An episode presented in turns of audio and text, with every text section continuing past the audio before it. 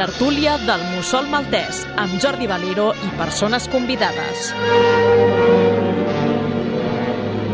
Continuamos la tertulia empezada la semana pasada, donde la dejamos, y es hablando de la relación entre Ian Fleming y la música efectivamente Fleming sí que hace muchas referencias musicales en las novelas. Sí, correcto. Por lo general a James mm. Bond le gusta mucho el jazz, me imagino que obviamente porque a Fleming también. Sí, correcto, sí. Y hay referencias pues desde los calipsos que oye también en, sí, Jamaica. calipso, exacto, sí. Hasta, hasta el mundo de la música jazz, aunque no llega a citar muchos títulos, pero sí que... Algún Stan Getz sale por ahí, alguna cosa así, sí, sí. Sí, Stan Getz que oyen a veces y, algún disco de La Vida en Rosa y cosas así, de Edith Piaf y cosas así. De hecho, la, eh, la última novela, En el hombre de la pistola de oro, eh, hay toda una secuencia, unos cuantos capítulos, que están ambientados en una especie de fiesta y hay un grupo de reggae tocando. Qué bueno. Qué bueno. Es genial, es genial hablar con, sacar anécdotas porque vosotros las ponéis en su sitio totalmente. Pues mira, que pensaba de usted de Chris Blackwell, igual me quedo solo, pero no, no, ya veo que no, que estáis más que puestos, digamos, perfecto. es, muy conocida, la, relación con Blas Blackwell es muy conocida, pero precisamente ella murió con más de 100 años, por cierto, no hace tanto, porque fue una mujer muy longeva. Sí. Y, es muy interesante porque era una relación de, claramente eran amantes, pero lo sabían, lo sabía perfectamente su esposa, quiero decir, la esposa de Fleming sabía que tenía amantes y bueno, la, llamaba tal cual, era su amante jamaicana. ¿Ah, sí? Qué bueno. Tenían una relación, matrimonio un poco peculiar. Qué bueno. Y, bueno, no iba demasiado bien las cosas en, en, casa. Al final, su mujer Anne se cansó de ir a Jamaica, lógicamente, porque ya no, no, le gustaba ese mundo. Y, él sabía que iba a ver allí a Blanche. Y Blanche Blackwell, que es la, amante, se supone que es una de las inspiraciones para Honey Rider. Honey Rider es la chica de Doctor No, que lógicamente luego todos tenemos en mente a Ursula Andrés saliendo del agua. Claro, bueno, pues esa era Blanche Blackwell. Pues yo creo que sí, que además, eh, porque yo creo que hubo esto, uh, Ian Fleming y quizá otra referencia sería Anthony Borges con, la naranja mecánica, que de alguna manera estos eh, personajes, sobre todo Ian Fleming, uh, lucharon mucho para que hubiera esa cultura pop que se empezó a despegar en el 62, 63, con, ya con los Beatles, etcétera, ¿no? Porque su modernidad dentro de, tú antes lo has dicho, James Bond es, machista, hay, cosas que sí que son un poco, digamos, eh, antiguas, pero en cambio había una forma de entender la vida de Ian Fleming que marcó, un, sobre todo para la gente joven, un cambio en esa sociedad de, británica, sobre todo en Londres, creo yo. ¿eh? No sé si están de fondo. Nace con el swing en London en el sentido de que se sale de la posguerra, que fue muy dura y había hambre en la calle. Correcto. Y James Bond lo que personificaba era el lujo el lujo de conducir el mejor coche, de comer caviar y al champán de unas marcas que probablemente ni conocían los ingleses. Exacto, exacto. Cuando habla de Trajes buenos, exacto. Y al final al final eso lógicamente es un mundo de fantasía pero idealizado. Entonces dejar atrás la Guerra Fría para meterse en un nuevo mundo a lo mejor es un poco el carpe diem ¿no? de los años 60 y, siempre con marcas inglesas y marcas reales porque Fleming jugaba mucho con el tema de las marcas reales y marcas de el Aston Martin esas marcas digamos que son propias no o sea eh, dándole énfasis a al tema british para entenderlo. Y ojo, todas ellas porque las conocía y las consumía, ¿eh? él era rico porque era millonario, era noble, correcto, con lo cual sabía de lo que hablaba, claro. Es correcto. Luego también no sé si estaréis vosotros, supongo que más al tanto que yo, de que él fue protagonista, Ian Fleming, de una novela de Stuart Kominsky, que es em, Los hermanos Marx en apuros, que era un novelista americano que mm, sus tramas eran de novela negra, pero que siempre pasaban con actores, directores de Hollywood. ¿Os suena a vosotros eso? Personalmente, esa en concreta no, pero sí que ha habido varios, varios autores que han cogido a Fleming como personaje y le han hecho a vivir aventuras de espionaje, como la que James Bond. Y lo curioso es que, a ver, eh, Fleming sí que trabajó en tareas de espionaje, pero nunca fue un agente de campo. O sea, él era el ayudante del jefe de la inteligencia eh, naval, pero nunca estuvo, digamos, espiando como un agente detrás de las líneas enemigas ni nada parecido. Y podemos citar una, una, novela española, precisamente. Montero Glez, que es un escritor español de novela negra, que así que habrá pasado por aquí, me imagino. Eh, en El Carmín y la Sangre, el protagonista es el comandante Ian Fleming. Ian Fleming, a su paso por España, se inventa una historia ahí en, en Andalucía bueno, un poco morbosa y como suele hacer Montero Glez, pero bueno, eh, pone a Ian Fleming de protagonista y es una novela española en la que curiosamente el protagonista es Fleming a su paso por España durante la Segunda Guerra Mundial. Antes, lógicamente, de crear a James Bond, con lo cual ya hay unos cuantos guiños y al final la novela, bueno, está un poco, digamos, es discreta, pero es interesante para los completistas. Muy bien. Cuando hablabais de, de, la, de la última novela, El hombre de la pistola de oro, Ah, ¿e-, ¿Es cierto que no la terminó Fleming y que la terminó A ver, Fleming, eh, Fleming tenía un sistema de escritura que consistía en que se ponía delante de la máquina a escribir y empezaba a teclear. Entonces escribía sin preocuparse demasiado del estilo o de las concordancias y demás, ¿no? Entonces, una vez que había terminado la novela, entonces procedía a pulirla. Entonces, pues quitaba cosas, añadía otras cosas y tal. Entonces, él murió, digamos, antes de pasar a la segunda fase. Mm, Con lo cual fue otro, otro autor el que se encargó, digamos, de realizar esa, esa fase de, digamos, hacer, dejar publicable la novela. Y se supone que fue Kingsley Amis, si no recuerdo mal. Eh, bueno, se dice, se dice, eso está por demostrar. Se dice, claro, porque nunca han querido aclarar. Pero digamos que por eso le falta, digamos, el toque que tienen las novelas anteriores. Es que lo de las fechas es muy interesante. Como decía antes Eduardo, eh, Casino Royale la escribió en el 52, a comienzos del 52, en febrero o marzo, porque él escribía en GoldenEye y escribía de enero a marzo en GoldenEye. Mm. Pero claro, luego se iba a Londres y se pasaba todo el año revisando esa novela. Y no salía hasta el año siguiente. Es decir, la que escribe en el 52 se publica en el 53, es Casino Royale. Pero es que cuando publica Casino Royale ya había escrito la segunda. Ya había escrito Vivi deja morir. Claro, porque ya lo había escrito de enero a, marzo. Claro, lo escribió en el 54 y también se publica en el 55, ¿no? Un año después. Y efectivamente sale al año siguiente, mm, con lo cual el hombre de la pistola de oro la había escrito de enero a marzo, pero Fleming se muere en agosto. Mm. Entonces, claro, estaba pues repasándola, como quien dice, ¿no? Todavía le quedaba bastante recorrida esa novela para salir al mercado. Claro, estaba en plena revisión. Eh, al final es una novela completa, quiero decir, no le faltan capítulos, lo que pasa es que cuando la lees sí que la notas que es más breve, que a lo mejor le falta un poco de desarrollo, que a lo mejor tiene algún personaje más descompensado que otros. Bueno, probablemente sí que yo creo le hubiera dado un, repaso algo más profundo. Y a mí algo que siempre me ha gustado pensar o soñar es que se dice que el villano, que es Francisco Escaramanga, como le llama Francisco y pistolas y habla cubano porque están en Cuba y, y de vez en cuando suelta alguna palabra en español, en un momento dado dice que su origen está en Catania y yo no sé por qué pienso que a lo mejor hubiera sido un origen catalán y a lo mejor si se equivocó y a lo mejor como le llama Francisco en vez de italiano podía haber sido catalán perfectamente. Sería genial, sí. No, sé, Catania está, existe, ¿no? Está en, sí, sí, Italia, claro, ¿no? está en Italia, pero bueno, es que hace más referencias a España, luego habla español, entonces bueno, no sé, ese Francisco a mí me suena más a, a, Cataluña que, a Catania, quién sabe. Bueno, en Cataluña tenemos... No recuerdo ahora si Catania estaba en lo que era el antiguo, la antigua corona de Dragón. Ah, tenemos un postre en Cataluña que se llama Catania. Bueno, un postre. Es una, una bola hecha de, de, pasta de almendra, creo que es, recubierta de chocolate. Es como un bombón pequeñito que se, que se come entero y, y que no puedes parar. O sea, es, es un vicio. Sí, sí, está. Están... ibas a decir que se llamaba Escaramanga. no, Escaramanga no. Lo que pasa es que cada vez que pienso en Escaramanga me viene, me viene a la cara el Lee, ¿no? Que es el, claro. Escaramanga por ponía nombres de personas, ponía a sus personajes nombres de personas que conocía. Escaramanga era el nombre de un compañero suyo en Eton, me parece, o algo así. ¿Mm? Escaramanga era el nombre de un compañero suyo en la Universidad de Eton. Sí, sí. Y Goldfinger también era un nombre real. Y, Blofeld también es un nombre real. Son todos nombres sacados de su vida. Later, por ejemplo, era de una, de una vecina también de Jamaica, Otzi Later la americana, creo recordar también. Los que ya se inventaba, lógicamente, son los de las chicas Bond, que ya sabemos que hacía juegos de palabras. Y, ahí, y ahí, por cierto, parece que no hay escándalo y nadie se atreve a censurar el nombre de Pussy Galore. Pussy en inglés, ya sabemos que hace referencia a los genitales femeninos, probablemente dicho de forma más soez, pero parece ser que ahí no entra esa censura o esos Porque Pussy también es gatito. sensibles no, me pises el próximo fascículo, que esto lo, lo explico en el próximo fascículo. Pues mira, siguiendo con la censura, que no lo hemos comentado y a mí me parece interesante, todo esto se lo trata de justificar la, propia casa, porque es Ian Fleming Publications la que va a sacar los libros, la que acaba de sacar los libros. correcto, es la misma casa, y lo trataba de justificar con ese disclaimer que has leído. Sí. Pero también diciendo que es que Ian Fleming ya permitió algunos cambios para el mercado americano. Y efectivamente, la primera y la segunda novela permitió hasta que no se llamaran igual. Casino Royal no se llama Casino Royal y Vivi deja morir tampoco se llamaba así en Estados Unidos. Y la polémica venía porque el capítulo 5 de Vivi deja morir, que sería el punto clave para ver si una edición que tenemos en la mano está censurada o no, el capítulo 5 se llama Nigger Heaven. Ya sabemos que la palabra que empieza por N es casi sacrílega en inglés, que no se puede ni decir ni escribir. Bueno, pues lo que hacía Fleming es una referencia literaria. Nigger Heaven en realidad es el título de otra novela anterior de los años 20 y ah. Fleming hacía mucho eso, hacía muchas de esas citas literarias.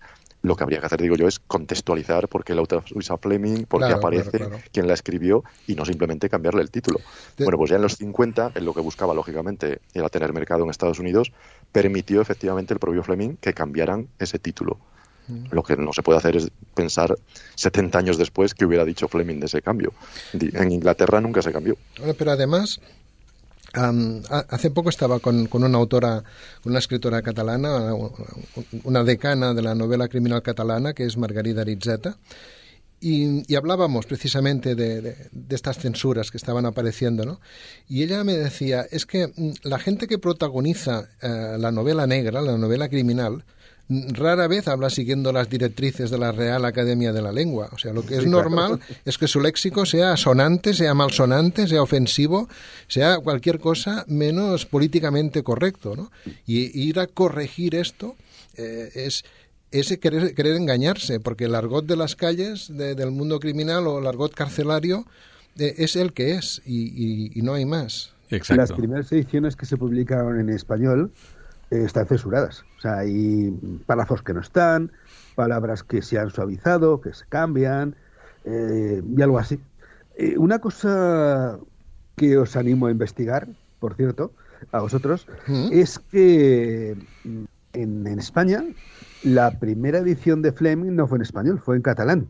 Ah, las novelas se publicaron con muy poca diferencia, eso sí, pero primero antes se publicaron en catalán y después en castellano. Ah, sí. Entonces, claro, lo que yo os animo es a comparar eh, a Fleming con, con, la edición, con la edición que se hizo de, en catalán. A ver, a ver qué diferencias hay. Vale, vale, vale. buen reto, buen reto, un buen reto. O qué cambios puede haber. en, el caso de Fleming, por terminar la anécdota de Vivi deja morir, en ese capítulo 5 ¿Mm? hay una conversación que reproducía Fleming de, de negro, dos negros hablando, ¿no? Están en Harlem y claro, lo que hacía Fleming era parodiar y exagerar la forma de hablar de los negros, utilizando un inglés pésimo y con giros y modismos propios del inglés. Esto les pareció muy mal también en Estados Unidos y lo censuraron, lo cortaron entero, tal cual, lo cortaron entero. Pero curiosamente, Fleming era muy amigo de, Raymond Chandler y le había pasado el, libreto de, la novela y mm, presumía Fleming, luego en alguna carta se ha leído, que a Raymond Chandler le había gustado mucho precisamente ese fragmento, la conversación de los negros, porque le había dicho Chandler que era justo como hablan los negros, así, que era muy fidedigno. Con lo cual, bueno, el propio Fleming presumía de eso, con lo cual muy contento nos tendría que estar de, que se lo hubieran cortado. A ver, eh, eh, Fleming eh, tampoco estaba muy en serio su trabajo, hay que decirlo. Y la verdad es que él aceptaba de muy buen grado las colaboraciones, siempre y cuando, pues bueno, tuvieran sentido, estuvieran fundadas, ¿no? Y yo lo que sí que he leído, por ejemplo, que él a ver, él no era un experto en el habla de Harlem. Y entonces, eh, él decía que si, le, si había alguien que bueno pues tuviera más conocimiento de esto y se lo corregía, pues que no tenía ningún inconveniente. Pero eso es una cosa y otra cosa censurarlo. Él, él, tenía un estilo que a mí me gusta mucho, que es muy directo, muy periodístico y muy documental, para entendernos. ¿no? vivía eh, para intentar que tú vivieras lo que él quería contarte de una forma muy directa, ¿eh? pero era muy periodístico, se nos daba mucho la, la época en que estuvo en Reuters y, y, en, y en, el otro periódico, no me acuerdo cómo se llama ahora, eh, que también estuvo en, en, otro periódico, me acuerdo, en Sunday Times, me parece que, que era, que también estuvo ahí con los, uh, dirigiendo los corresponsales y tal. Yo creo que esa vena periodística se nos daba mucho también en las novelas, ¿no? Y además fue corresponsal en el extranjero y eso, claro, se, se refleja en la novela. Decía yo antes que era rico, no lo decía como de mérito, al contrario, precisamente gracias a ello viajó por todo el mundo y hasta el Sunday Times le pagó viajes por todo el mundo para escribir luego una serie de artículos de ciudades excitantes de todo el mundo. Es correcto, sí. Y que luego lo convirtió en libro. Está, Se publica ahora también. Se acaba de Está publicado en español también, sí. Ciudades excitantes, que es muy interesante, la verdad, pues la visión de Fleming de ciudades, ya podemos imaginar que no va a ver los monumentos, sino que va a ver otras cosas. Y te habla de los garitos, de los burdeles y de esas cosas. La verdad es que es un punto de vista muy, muy curioso. Oye, oye, oye, oye esto, esto habrá que censurarlo. Habrá que censurarlo. Ahora cuando lo rediten, cuando lo rediten verás cómo lo cortan todo. No me extrañaría. Los relatos de, de Fleming sobre Bond ¿Consideráis que por el mero hecho de ser relatos, de ser cortos, eh, les falta la esencia del, protagonista? A ver, eh, los relatos de Fleming eh, es que, a ver, mm, hay eh, son un poco particulares. Eh, Fleming escribió algunos relatos cortos porque realmente él, inicialmente también había tenido la idea de hacer una serie de televisión de James Bond, ¿no? Entonces empezó a escribir algunos guiones, bueno, no unos guiones, sino unos tratamientos para hacer episodios y tal, y como aquello no llegó a ningún término, pues aprovechó algunos de esos para hacer cuentos. Entonces, pues bueno, esos más o menos son como historias de Bond en miniatura. Pero lo curioso es que tiene algunos otros, eh, por ejemplo, el relato Octopussy, solamente aparece un momento, al final. Todo el cuento es la historia de una persona. Sí. Sí, sí. Entonces, tú te lees esto y dices, Bond, ¿dónde está Bond? ¿Dónde está Bond? No aparece Bond, no aparece Bond. Y bueno, aparece al final, un momento y ya está. Entonces, eh, los, cuentos son, son muy curiosos, ¿no? Luego tiene Quantum of Solas, que se ha traducido de distintas maneras y tal. Sí. Que realmente es una historia que le cuentan a Bond. ¿Mm? Bond está hablando con un cónsul, me parece que es, bueno, un cargo de estos diplomáticos y tal, y hablando sobre la vida, sobre la, lo emocionante que es el espía. Y entonces esta persona le cuenta la historia de una pareja. Y al final Bond termina un poco asombrado diciendo que, es más extraordinario lo que les ha pasado a esa pareja que lo que pasa como vive él. Son dos, dos libros de, recopilaciones de relatos. Está solo para sus ojos, que es sí. titular así en español, solo para tus ojos, porque la película era sus y el otro es Octopussy. Y bueno, como decía Eduardo, a Fleming le permitía experimentar. Él siempre fue muy amante de la experimentación, lo vemos en sus novelas también. Si queréis hablamos de El espía que me amó. El espía que me amó, correcto. El espía que me amó, que es muy peculiar. Pero bueno, los relatos le permite eso. Tienen relatos muy interesantes de James Bond, como Alta Tensión, que a mí me gusta mucho, o como el propio Octopussy, que yo creo que es muy interesante porque habla del suicidio y bueno, yo creo que tiene ahí bastante biografía de Fleming. Y luego hay otros que son muy peculiares, porque bueno, ya lo decía el propio Eduardo, eh, hay alguno incluso que escribió para, para un catálogo de, de la casa de, de, subastas Sotheby's que se llama Propiedad de una dama. Entonces, bueno, es tan peculiar que se desarrolla lógicamente allí. No sé si era Sotheby's o Christie's ahora, me parece que es Sotheby's. Sotheby's, Y, y, bueno, trata de eso, de una subasta. Con lo cual, bueno, la aparición de James Bond es un poco circunstancial, está un poco metida con cazador. Entonces hay de todo, desde algunos relatos muy interesantes a otros muy anecdóticos. E incluso escribió dos páginas que se llaman 007 en Nueva York. Y a veces se meten en este último libro, en Octopussy. Pero bueno, son dos páginas que dice que se sacó en Playboy de un poco de promoción de la ciudad de Nueva York. No, este no está traducido, ¿verdad? ¿O sí? Eh, bueno, digamos que en nuestra web está, en el ah. archivo 007 está. Y en España yo creo que se tradujo alguna vez, pero no ahora no, se ha publicado últimamente, ¿no? Eh, se iba a publicar en la última por ECC. ECC, que es la última editorial que se había animado, sí. Pero como se cortó la publicación de las novelas, pues no llegó a editarse ese volumen y no llegó a aparecer. En español oficialmente no apareció ninguna recopilación.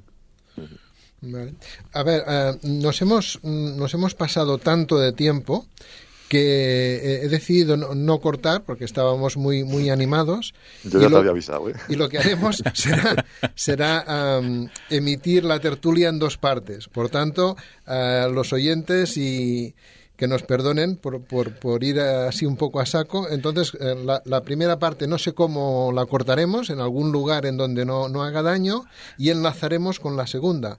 Pero ahora sí que ya nos queda muy poco tiempo para, para terminar, y antes de despedirlo, despedir formalmente el programa, habéis sacado a relucir el tema de cómics hay mucho universo de cómics de, de Bond y mucho spin-off y, entonces, para la gente que quiera, que le gusten los cómics y que quiera introducirse, ¿le recomendáis alguna de las sagas, alguna de las series que hay en el mercado? Porque sé que hay varias sagas, es, muy complicado, lo he intentado seguir. Eh, como cómic, eh, los últimos, los que, bueno, está editando en Estados Unidos Dynamite, Dinamite, ¿Sí? Eh, y que algunos han sido publicados aquí en español, esos están muy bien para, para tomar un bon moderno, actual. Entonces, eso está muy bien, tienen buenos guiones, a mí por lo menos me gustan bastante. Hay también variedad, es decir, hay algunos que es un Bond más duro, otros que es más tipo parecido a las películas. Entonces, para alguien que, digamos, busca el James Bond de las películas, pues es esta, esa, estos últimos estarían muy bien. Los ha editado en España Panini Comics, hay que decir que, editó hasta ocho títulos, incluido la adaptación de Casino Royale, que no es de los mejores, pero bueno, los de guion original están muy bien, están en pastadura, es un poco como novela gráfica tal, y, y la verdad es que se lee muy bien porque, como dice Eduardo, tiene mucho que ver con el Bond más espectacular y más visual.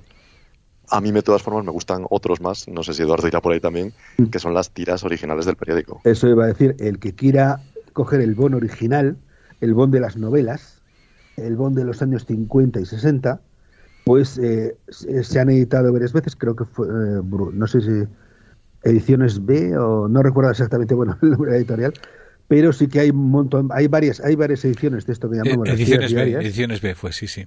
Ediciones B y que y que lo que hacen es recopilar esas tiras diarias, que lo que hacen es adaptar las novelas dentro de lo que es el ámbito, obviamente, de eh, censurando según qué cosas ya quedamos, porque era para, para lectura pública, de, las novelas. Entonces, el que quiera un sabor más añejo, un sabor más de los años 50-60, como digo, que se lea eso es porque ah, siguen lo que es toda la historia de las novelas. Son muy fieles a las novelas, de, aquella manera, claro, pero son bastante fieles. Y, y, como decía Eduardo, están en Planeta en español, creo que era Planeta, y la verdad es que está muy bien, ¿eh? Se leen hay varias, hay distintas ediciones, hay varias. Hay distintas, sí, porque bueno, incluso um, también las había en color en su momento y las mm. pintaban a mano y esas cosas. Mm. Pero bueno, salieron en blanco y negro en el Daily Express y ya digo, se han traducido al español y la verdad es que merecen mucho la pena porque luego también, bueno, hubo otros cómics más raros de autores suecos que se publicaban en Suecia y unas cosas muy peculiares, pero bueno, nos quedaríamos yo creo que con esos dos, con la más moderna y con la más tradicional. Muy bien. Y en cuanto a los, a los libros, el spin-off sobre la juventud de James Bond. ¿Es recomendable? A mí me gustó, a mí me parece entretenido. Lo que pasa es que, bueno, es literatura juvenil, ya no es James Bond, es otra cosa. Entonces, como literatura juvenil, pues bueno, tiene sus anécdotas, está, tiene sus guiños, lógicamente. Recuerdo que el arranque también tenía mucho que ver, las escribe Charlie Hickson y algunas se ha traducido también al español, creo que un par de ellas. Entonces, bueno, eh, se leen bien, pero claro, no es literatura de Fleming, es literatura ya juvenil. Vale, entonces, la gente joven que quisiera iniciarse, ah, ¿sería recomendable empezar por aquí? Mm, yo para eso soy muy purista, entonces yo me da igual un poco la edad, y más hoy en día que estamos ya de vueltas de casi todo, en el cínico siglo XXI, a la gente joven le recomiendo Ian Fleming, y a la gente adulta le recomiendo Ian Fleming. no, no, se van a escandalizar. No, no, no, no, no, te lo decía, no te lo decía por, por el escándalo, sino por el hecho... Eh, este rechazo que hay a decir, mm, ¿para qué voy a leer una novela si ya he visto la película y ya sé cómo acaba y ya sé de qué va, ¿no? No tiene nada que ver. No, claro, porque y como que habéis explicado al principio de que las películas no están siguiendo las novelas, entonces sí se puede permitir mm, la lectura sin entorpecer la película y al, y al revés, ¿no? sin duda, sin duda ninguna. Y bueno, yo soy profesor de literatura, te puedes imaginar que esa pelea la tengo todos los años. Y, no tiene nada que ver ver una película con leer un libro, porque son experiencias diferentes, son artes diferentes, y la visión de una película, además, son muchísimas manos trabajando en una película. En un libro tienes la creación de un artista y de un escritor, en una película hay que hablar del guionista, del director, del fotógrafo, del músico, de los actores, con lo cual es otra cosa completamente diferente. Más coral, eh, el estilo de Fleming era muy detallista, metía muchísimos detalles, casi de pasada, eh, y de hecho tú cuando te lees una novela de, Fleming, eh, pierdes mucho. Pierdes mucho en el sentido de que al no ser, primero, británicos y segundo, vivir en la época que vivimos, nos perdemos muchas de las alusiones y referencias que Fleming pone en las novelas. Correcto. Mm. Entonces, es, como ya a lo mejor como leerlo un poco despacio y si te, te choca alguna cosa, investigarla.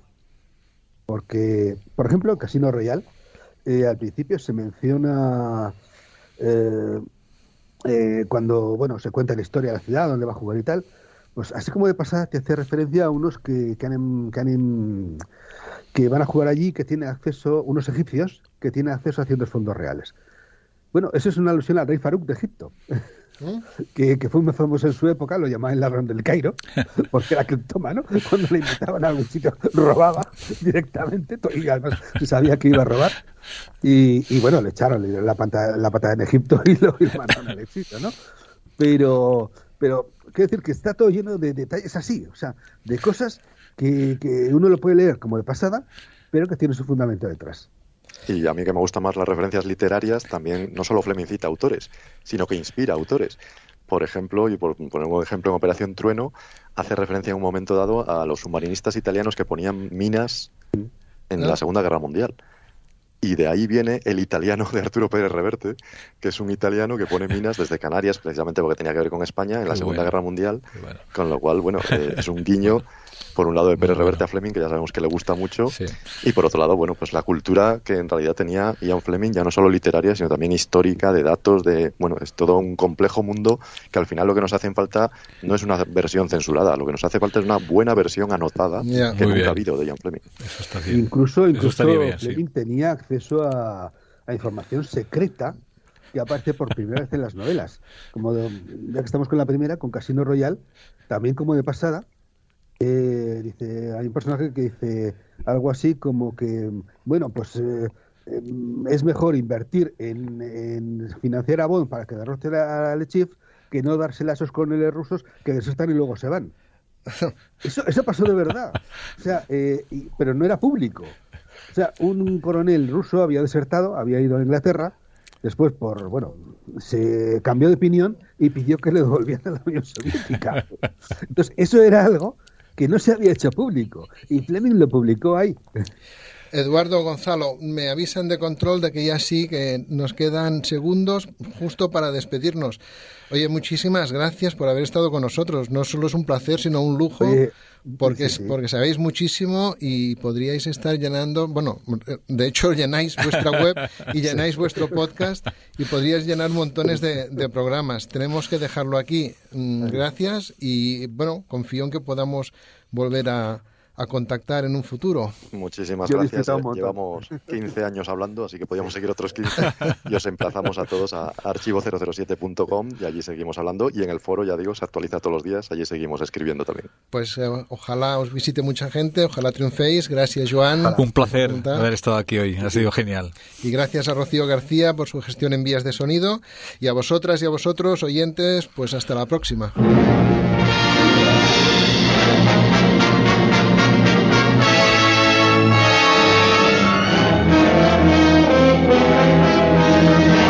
Escoltar la tertúlia del Mussol Maltès. Per estar al dia dels fascicles i les tertúlies, sintonitzeu-nos cada dimecres a dos quarts de nou del vespre.